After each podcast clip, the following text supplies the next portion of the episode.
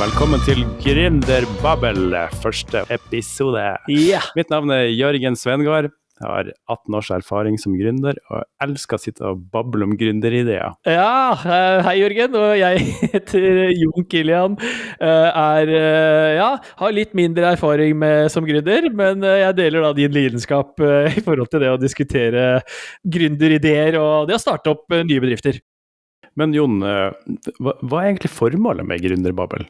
Det er jo eh, Formålet er jo selvfølgelig å, å engasjere uh, lytterne våre. Og uh, føler vi er jo på en måte en podkast uh, for alle, egentlig. Som, som har en uh, gründerspir i magen, og som, ja, som like Syns det er like spennende som oss å diskutere og tenke på nye ideer og ja, potensielt starte for seg sjøl, da.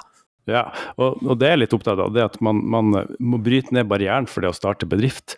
For det, det er jo ikke så farlig. Og hva er det verste som kan skje her i Norge? Jo, det at man må gå på Nav eventuelt og få noen dagpenger fordi man ikke har en annen jobb. Så sikkerhetsnettet i Norge er jo helt vanvittig for å starte en bedrift. Så kom igjen nå, folkens. Kom på ideer, drøft de med kompisene dine, start bedrifter. Ja, og, ja, og gjerne send inn ideer til oss også, som vi kan diskutere, for det er jo enda gøyere. Ja, det må du absolutt gjøre.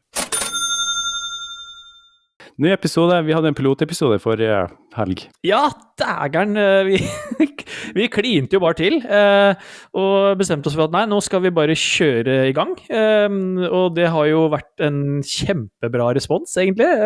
Nesten litt sånn overraskende hvor mange som har kommet tilbake igjen med både tilbakemeldinger, men for så vidt også innspill til nye ideer som vi kan diskutere. Og ja, det har vært mye engasjement, egentlig. Og det er jo litt kult, Jørgen. Veldig kult, veldig kult.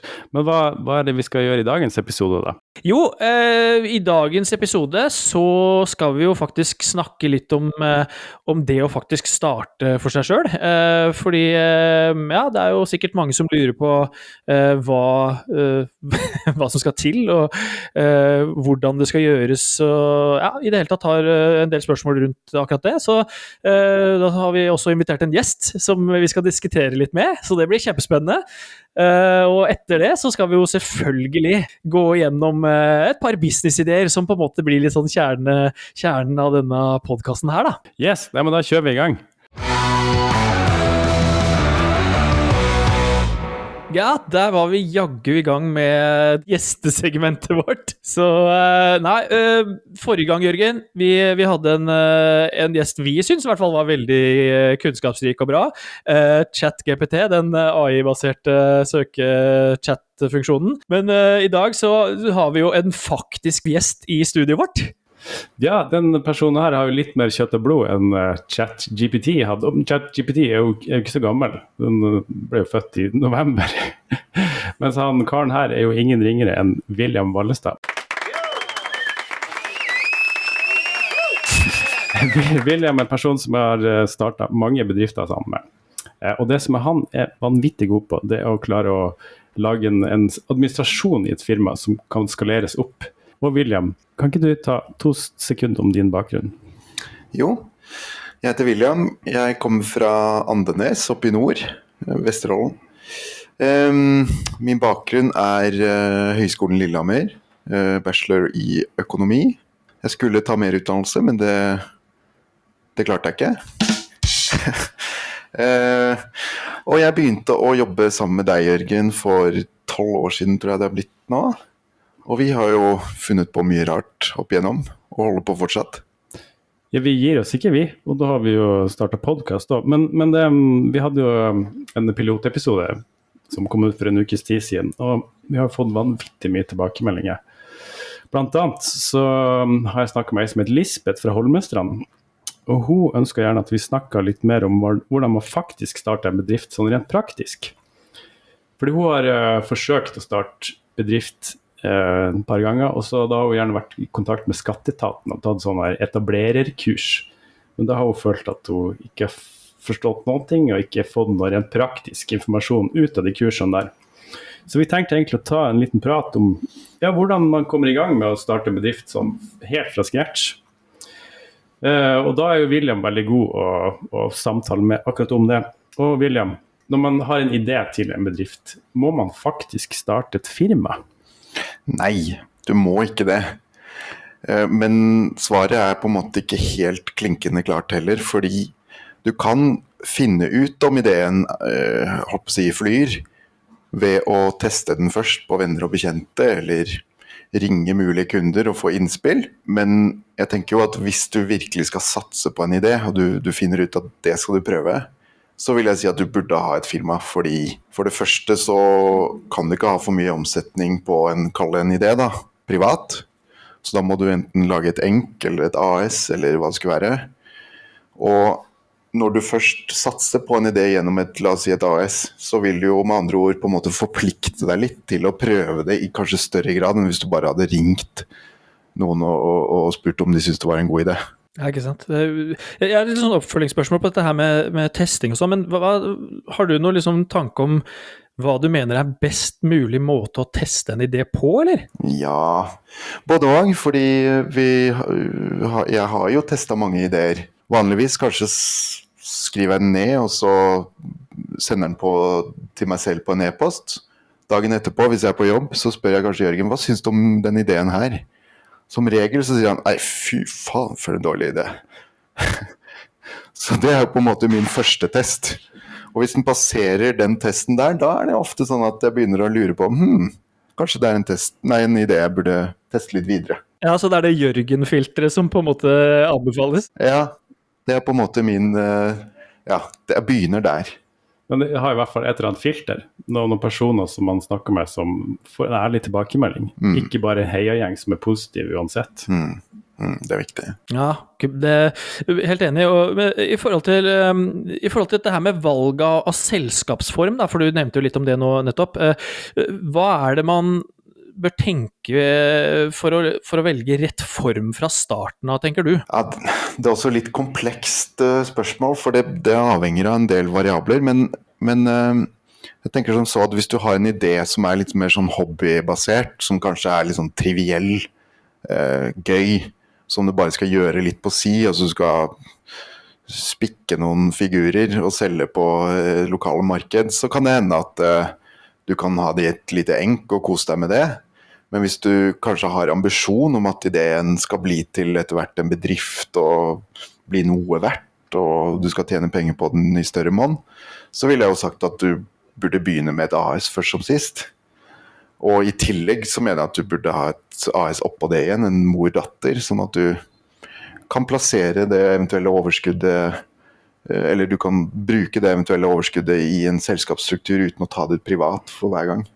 Kan, kan du gå litt nærmere inn på hva du mente med mor-datter? Mor-datter, altså eh, et aksjeselskap som eier eh, 100 et uh, selskap under seg.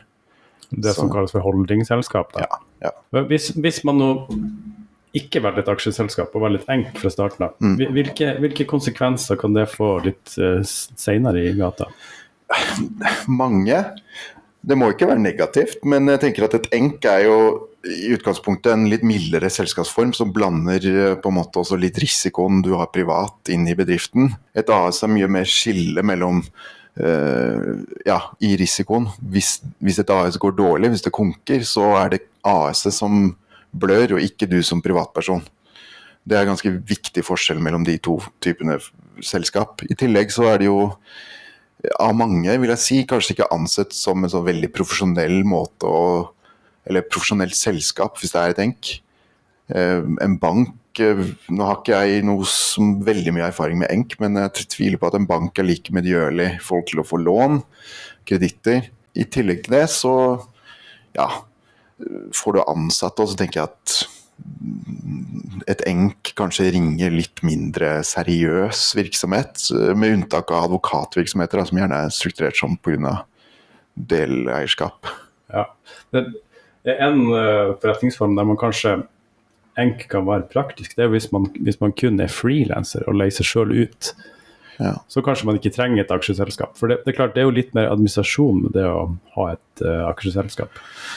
Ja, det er det, men fra den første krona du tjener i det selskapet som du ikke har tenkt å ta ut i lønn, så er du på en måte tvunget til det i et enk. Mens i et AS så kan du akkumulere verdiene og investere i andre, andre selskaper, aksjer, eh, eiendom, hva som helst, uten at du skatter av det ut privat først. Og den fordelen er jo spesielt stor nå som den eh, tullete regjeringa vi har, eh, velger å skyve ja, skattene enda høyere oppover på pila. Ja, jeg, jeg, jeg synes jo eh, litt sånn for Dette er jo en podkast for, for eh, alle, egentlig, som eh, har en liten sånn gründerspyr i, i, magen, og som syns det er gøy med nye ideer og sånn. Og jeg tenker sånn, Det er kanskje ikke alle som, som, har på en måte kunnskap om hva som faktisk kreves for å sette opp de ulike tingene og sånn, men, men har du på en måte en sånn veldig kort liksom, anbefaling og på en måte en beskrivelse i, i, forhold til hva som kreves for de ulike typer selskapsformer, eller? Ja, eh, men hva mener du mer spesifikt da? Hvordan du setter det opp? Eh, ja, og litt sånn Si jeg, da, eh, som ikke nødvendigvis har sånn voldsom erfaring som gründer fra tidligere, men jeg har en kanonidé som jeg har veldig trua på, eh, og så får jeg en anbefaling fra deg f.eks. om å, å, sette opp et AS eh, og en, en mor, for å si det sånn. Ehm, og, og, og så vet jeg ikke hva, så, altså, hvordan setter jeg opp dette, og uh, ikke minst uh, altså, hva kreves? Ja, nei altså Det første man burde begynne med hvis man er i en sånn situasjon, er jo kanskje å vurdere hva, hva vil jeg oppnå med å starte et selskap, eller hva vil jeg oppnå med ideen? Uh, og hvis du ønsker å kanskje på sikt leve av ideen, eller forretningen, da, så så bør du jo kanskje rådføre deg litt mer enn å bare få noen enkle pointers fra meg, fordi da bør du jo strukturere det som om det skal bli en fremtidig arbeidsgiver, da. Og eh, ja, hvilken ende skal man begynne i? Det å stifte selskapet er jo kanskje det enkleste, og så begynner jo jobben etter det. Eh, med struktur, med, med systemer du må ha for å i det hele tatt kunne drive bedriften. Banktilgang. Eh, ja, kunder. Hele pakka. Så det er, det er en litt sånn kompleks uh, materie å forklare. Men når man, når man så har starta et, uh, stifta et firma, Funn Bank, stifta firma, um, hvilke, hvilke, systemer, da tenker jeg på datasystemer, er det man trenger sånn helt i starten? Helt i starten så vil jeg jo Det er litt sånn avhengig av hva slags nivå man ligger på, spesielt kanskje med tanke på regnskap. For da bør du jo enten finne en regnskapsfører som da bruker et system. Da er det ikke så viktig måte, Da er ikke ditt valg så viktig nødvendigvis av det systemet. Du har kanskje prisgitt regnskapsføreren mer. Eller så bør du jo øh, gjøre en innsats for å forstå regnskap godt nok til at du kanskje gjør det selv. Spare litt penger på det og får bedre innsyn og kanskje forståelse av det du driver med. Så regnskapsprogram ville jeg vel begynt med. Det er gjerne naturlig at fakturering og sånt er inni det samme. Har, har, du noen eksempel på gode regnskapssystemer som passer for de helt eh, ferske gründerne? Ja, uten at jeg har for mye erfaring med det selv, så har jeg hørt at fiken er veldig egna for, eh, for, nye gründere, holdt jeg på å si. Um, det gjør det veldig enkelt, har jeg skjønt, å ja, lykkes med å føre regnskap. Det er litt sånn bistand i systemet, i større grad enn litt sånn andre litt tyngre regnskapssystemer som kanskje mer eh, tar utgangspunkt i at du kan regnskap fra før. Og Utover regnskapssystem så bør du jo ha ja, bank, sa du, men ja, men en nettbank som er god å bruke, eh, kan være en fordel. Du må jo selvfølgelig ha administrasjonsprogrammer som Office eller en e-postleser og sånne ting. Og så er det jo sikkert en del fag- eller bransjespesifikke systemer. Prosessoppfølgingssystem kan være lurt, men det spørs hva du driver med. Ja, ja. En annen ting som, som jeg mener er veldig viktig, spesielt hvis man har kostnader fra starten av, det er jo å lage likviditetsbudsjett. Ja. Hvis man bommer på likviditeten fra starten av, så, så, blir det vanskelig å drive, drive det fremover. Mm. En annen ting som, som jeg òg mener er veldig viktig, som kanskje folk undervurderer litt, det å ha god margin på det produktet eller tjenesten man skal levere med en gang ikke, ikke ha for dårlig margin fra starten av, for den setter seg fort fast i bedriften. Og da kan man ende opp med at man på sikt har for høye kostnader i forhold til det som er mulig å få mm. til på inntektssida. Mm. Og så er det jo uh, dette med revisjon. Uh, hva skal man med en revisor, egentlig? Nei, og, når, og, når, trenger man det? Ja, en revisor må du jo ha hvis du har en viss omsetning. Det er vel jeg tror det er 6,5 millioner i året da må det ha revisjon. Eller du må finne en revisor som kan revidere regnskapet til selskapet. Um, en revisor er jo mellommannen, kanskje du kan si, mellom selskapet og staten.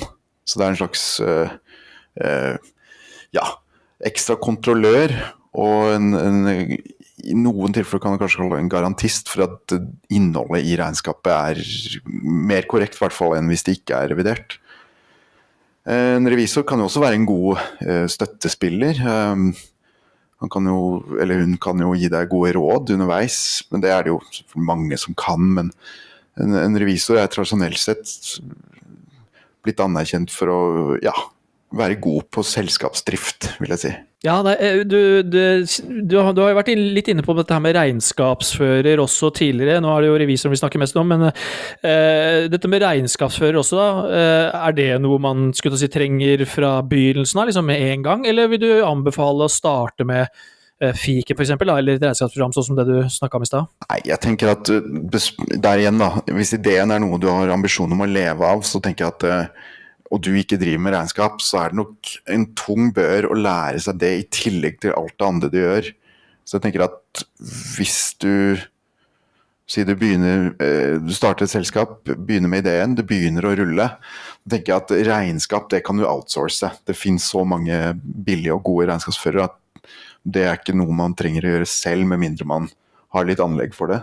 det jeg har fått, en del spørsmål av gründere som kommer til meg og spør om alt mulig. og de de er veldig kjappe å spørre om man bør ha med seg en investor fra starten av. Og da, da, I hvert fall jeg personlig jeg sier alltid nei, hvorfor skal du det? I, I, USA så snakker man om å bootstrap en startup. Og i det ligger det at man uh, satser egne penger, kanskje jobber gratis en stund, Eh, låner penger hos foreldrene sine, Eh, og heller ta inn investorer på litt sikt. Hva, hva tenker du om det, William? Jo, jeg er vel litt enig. Men samtidig, la oss si hvis du er seriegründer, så kan det jo hende at eh, du etter hvert ser at å uh, ha med en investor kanskje For det første, det å få med seg en investor, det er ikke noe du nødvendigvis bare gjør. Du må overbevise ganske bra for å få med en investor på en idé. Og du, det hjelper jo å ha en track record. Ja, Hvordan overbeviser du Ja, Hvis du driver bedrifter og kanskje gjør det bra, eller har eventuelt solgt en virksomhet, eller eh, tatt på en investor en gang tidligere, og du har opparbeida et tillitsforhold, kanskje overfor en person som ønsker å satse på ideen din. Men det er jo på en måte ingen uh, Man kan jo ikke forvente å få med investorer, spesielt kanskje ikke på første prosjekt, for da, da er man kanskje ikke kjent verken i bransjen eller i et investormiljø. Og uh, ja, det er fordeler og ulemper, selvfølgelig, men uh, hvis du har en idé og du ikke trenger veldig mye penger eller kapital for å sette i gang den ideen, så er det jo best å gjøre det på egen hånd selv først. Det, det, er klart, Hvis man skal bygge software for eksempel, og la oss satse med en programvare som skal ut til hele verden, så trenger man investorer. Mm, mm. Det blir en helt annen greie. Ja. Men, men, er man liksom helt fersk gründer og har en liten idé som man har lyst til å starte en bedrift av, så mener jeg at man skal passe litt for å ta investorer inn for tidlig. For det som skjer da, er at man ender opp med en altfor liten eierandel ja. senere de tar både eierandel, og de kan ha en, en, en, innvirkning som kan være negativ og positiv, for så vidt. Det kan jo føre til skjerpa fokus, men kan også føre til et, et feil fokus hvis de ønsker noe annet enn det du selv ønsker å dra det i retning av. Men eh, når må man liksom Når må man forhåpentligvis begynne å få kunder og begynne å sende ut eh, fakturaer for kostnader? Hva er viktig da i den vekstfasen å tenke på, liksom? Um, kunder bør man jo kanskje begynne med om ikke først, så relativt tidlig. Eh, for du skal, jo, du skal, jo, leve av dette her, og da må du få inntekt, og det kommer via kunder. Ehm, så hvis du, ikke, hvis du venter veldig lenge med kunder, så må du ha mer likviditet da, og, brenne av før du eventuelt begynner å få inntekter.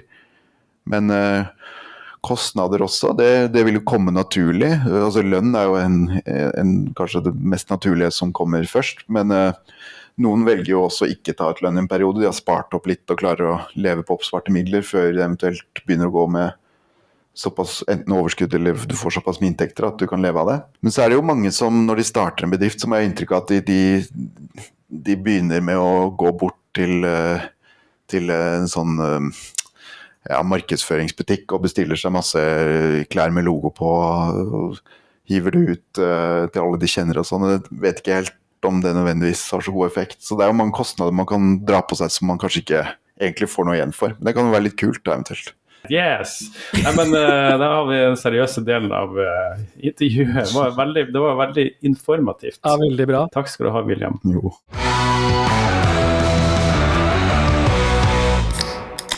Jon, du, du snakka om at du hadde en forretningsidé som du har lyst til å ta opp i dag. Ja, eh, jeg har jo det. Og forrige gang så snakka vi om litt forskjellige ideer. Jeg kan bare skyte inn der at eh, dere diskuterte også et dolokk. Ja, det stemmer. Men dere ville ikke si hvem den ideen kom fra. Det, jeg har hørt om dette dolokket, jeg syns dere diskuterte den ideen veldig dårlig. Men det er bare mitt innspill. da. Det var jo ikke noe hemmelighet eh, hvem den ideen kom fra i utgangspunktet. Eh, Så takk for innspillet, først og fremst. Og så var det jo eh, voldsomt engasjement etter den første pilotepisoden episoden rundt eh, akkurat det temaet der og den ideen.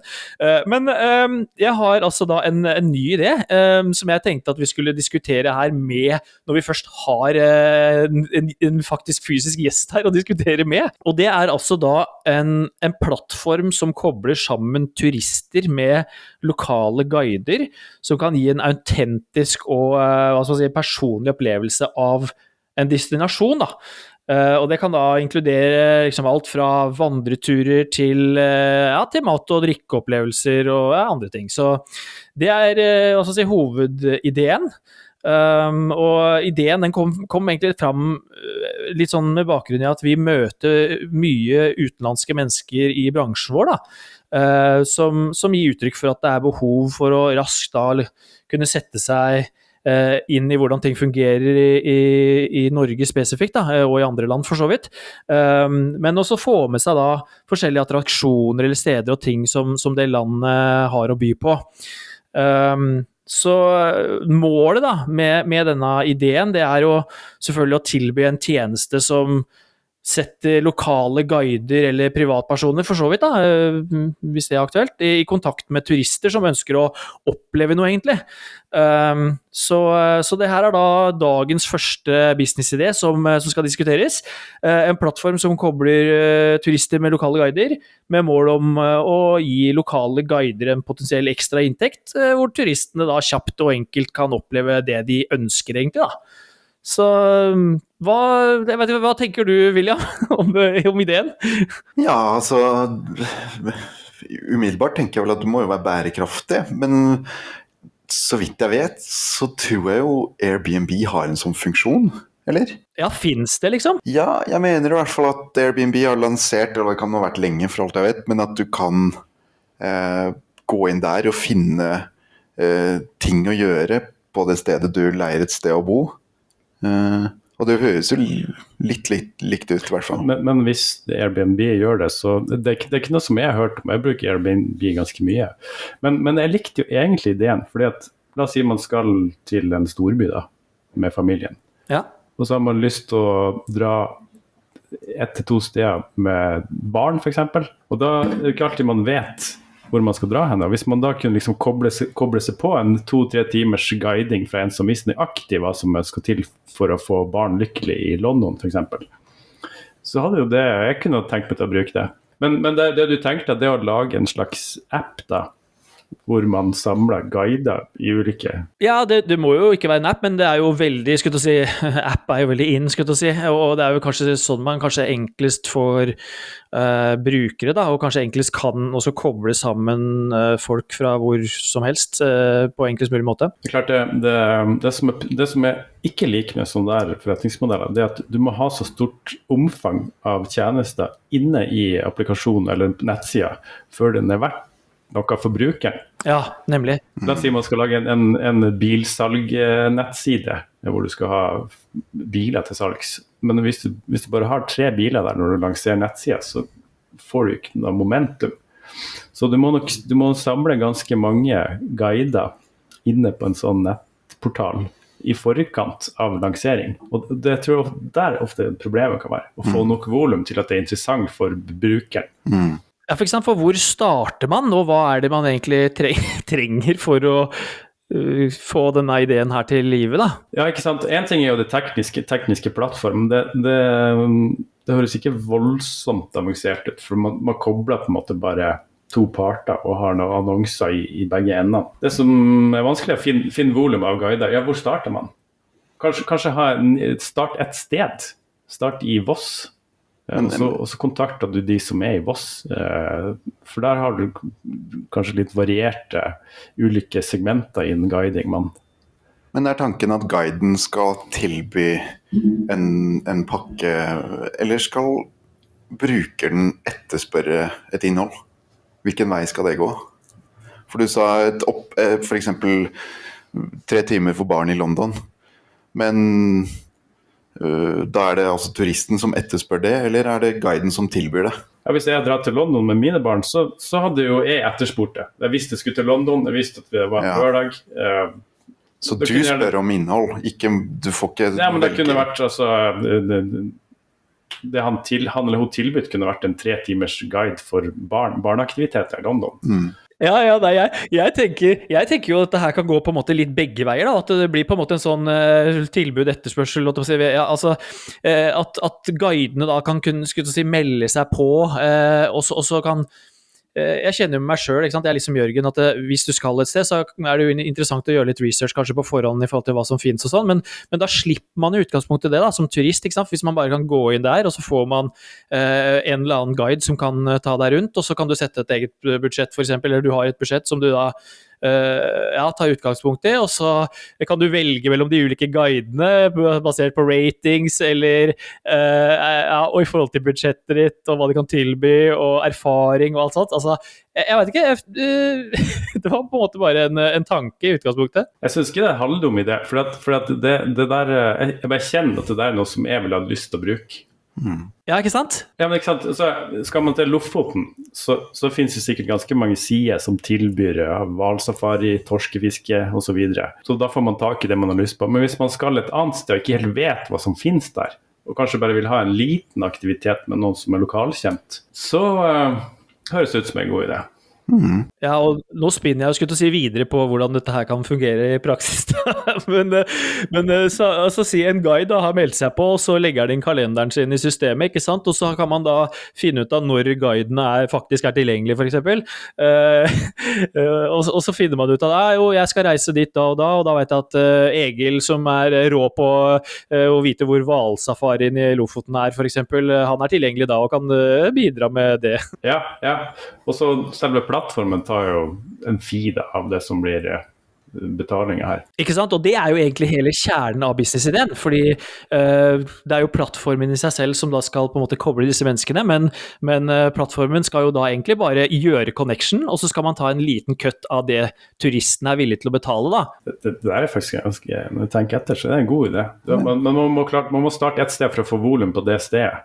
Og så blir det populært i Voss, og så drar man det til andre steder i Norge, til utlandet osv. Litt innspill der også er at uh, hvis du da kunne selektert på, la oss si du ønsker en guidet tur for barn i London, så si at du vil ha det på norsk, da kanskje at du kan velge en guide som Ja, kan språket ja, for det er eller- sikkert mange som kan norsk i London. Ja. Det kan, det kan jo være studenter som er, studerer i London, Mm. som vil ha en hel, helgejobb. Så kan de bare koble seg på og av alt dette når de er ledige. Ja, for liksom, hva er det som definerer en guide, da? Må man liksom ha en eh, CV og ditt og datt, eller kan, eller kan man bare Altså, jeg er sikker på at eh, du, eh, William, eller du, Jørgen, bare kunne eh, vist en, en turist i, i Oslo i forhold til de mest kjente turistattraksjonene, og vist f.eks. en Mest, mest kjente brune puber. Ja, ikke sant? Det er kanskje der dere har deres styrke, da. Det er Og så kunne du ha tatt for deg diskotekene. Ja, ikke sant? ja. Nei, men eh, Ja, ja. Nei, nei, ikke sant. Og du vil jo, da kan man ha anbefalinger. Eh, alle de andre plattformene har. Så da ser man jo hvem som er populære og sånn. Nei, det OK, terningkast på den ideen, William. Terningkast, og det er 1 til 6, eller er det sånn uh, rollespillterning én til ti? de terningene jeg brukte, det er seks. Én er 1 til 6, ok. Ja, da sier jeg uh, Den vipper mellom 4 og 5, den der, altså. Dæven, det er ikke verst. Det er bra. Fire og en halv. Enn du? Ja, jo, det, det kommer jo fra det, så da er det terningkastet. Du skal, vet du hva? Du skal faktisk få terningkast fem fra meg, fordi at det, det der er noe jeg har lyst til å bruke sjøl. Og det er ikke så vanvittig vanskelig å få det i gang. Men som jeg sa, du må jo starte et sted, tror jeg. Det er klart det. det er klart Det Nei, det, det er veldig kult å få så eh, skal du si, gode terningkast eh, paneldeltakerne her i dag. Eh, jeg, hvis jeg skulle rata min egen idé, jeg veit ikke. Det var jo en tanke i utgangspunktet. Men jeg er jo ikke så kjent med hvordan ting fungerer og sånne ting. Men nei, grei idé. Mellom fire og fem, jeg også. Jeg, jeg gir det en firer, jeg. Bra, bra, bra. Jeg har en annen liten idé her, som er kanskje mer uh, mot det morsomme hjørnet. Du vet, sånn vas vaskebyrå som man leier inn for å vaske hjemme. Ja. Jeg har, jeg har lagd noe som er kalt for telefonvask.no. og Det fungerer, det er en slags remote vasketjeneste. hvor um, Når du er hjemme en lørdag, Jon, ja. og så ringer jeg halv tre til deg, så sier jeg Hei, det her er Jørgen. Du, jeg kommer på besøk til deg klokka halv fire. Ja. Og så legger jeg på. Og det du kommer til å gjøre da, du kommer til å springe rundt i huset ditt og rydde, rydde og vaske. Og gjøre det helt shiny i løpet av én time. Jeg kan garantere at du kommer til å vaske så fort som du aldri har gjort før. Og så når klokka blir halv fire, halv fire så får du en ny telefon fra telefonvask.no. Så, så sier ja, hei, det her er Jørgen. Du kommer ikke likevel. Vær så god. Ja. Og så får du faktura på halv pris, det er 100 kroner. Ja, det er jo en kjempeidé. og så har du fått vaska huset på en time for, for 100 kroner. Det var en god idé. Ja. ja. Men du blir kanskje ikke lurt mange ganger, eller? Det er Problemet med ideen den er veldig vanskelig å skalere opp. Ja. Du har en one shot. ja, helt klart. Altså, det er som William sier, er, har du fått den telefonen en gang før, så vet du hva som skjer neste gang. Ja, så du, du, det blir et slags sånn pyramidespill. Du er avhengig av en ny person, ny kunde hver gang. Ja, veldig, ja. veldig dårlig retention på de kundene. Det blir en høy churn. Ja, voldsomt. Det, det blir jo sånn råsalg da, på nye kunder. Ja, ja.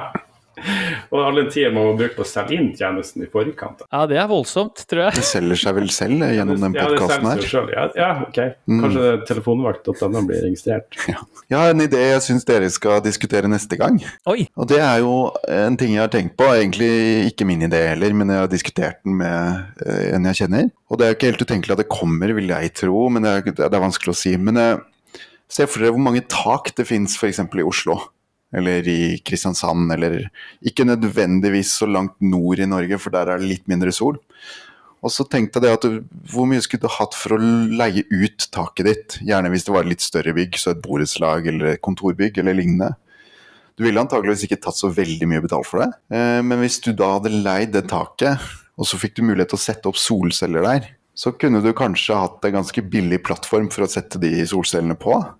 Og så kunne du solgt den strømmen, som jo kommer til å bli en, mer og mer populært. Ja. Syns det er en interessant tanke at man leier tak for å sette opp solcellepaneler. Interessant idé. Ja, ja. Det, det, der, det, der, det, der, er jo en veldig stor idé, ja. som, som, krever mye Mye kapital og mye kunnskap og mye ja, i det hele tatt. Men, men eh, det, det syns jeg er veldig fiffig. Men, men det, jeg hørte på en podkast med en som heter Brage Johansen, som er veldig god på strøm i Norge. Og han sa at eh, for å få koble seg på det her griden til eh, Elvia og de her, så er det mm, veldig lang ventetid. For de vet ikke helt kapasiteten i griden. Eh, for de må, det er så og så mange prosent de, de, maks kan legge ut på den. Så det kan ta opptil et år før du får tilbakemelding på om du får lov til å koble det på eller ikke. Mm. Mm. Så, så det, det, det, markedet er ekstremt uh, kom, komplekst, da. Mm, mm. men, men, det er fiffig, det. Og særlig hvis, hvis, det igjen kunne vært en slags plattform da, som bare fant, fant eller matcha solcelleleverandøren og takene. Det som også er mulig til å selge den strømmen til eh, beboerne, eller kontorene, eller ja, hva det er som er i bygget. Ja, ja, ja, ja, ja. Og da kan det jo hende at du kan få brukt all strømmen. Det er selvfølgelig litt avhengig, men uh, da er du ikke nødvendigvis avhengig av å levere den inn på nettet. Du kan levere den til bygget.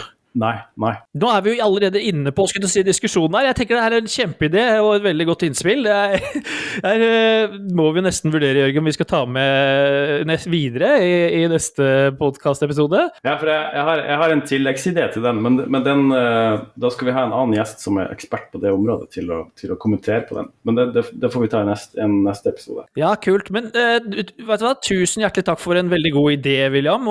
Vi, vi, vi ønsker jo selvfølgelig å få uh, flere ideer fra lytterne våre, og anbefaler selvfølgelig derfor alle sammen til å sende inn nye ideer som vi kan snakke om i podkasten, eh, til eh, eh, mailen info at gründerbubble.no. Yes! Ja, nei, men Da takker vi William Wilhelm Vallestad som kom på besøk, og takk til deg, Jon. Så høres vi i neste episode.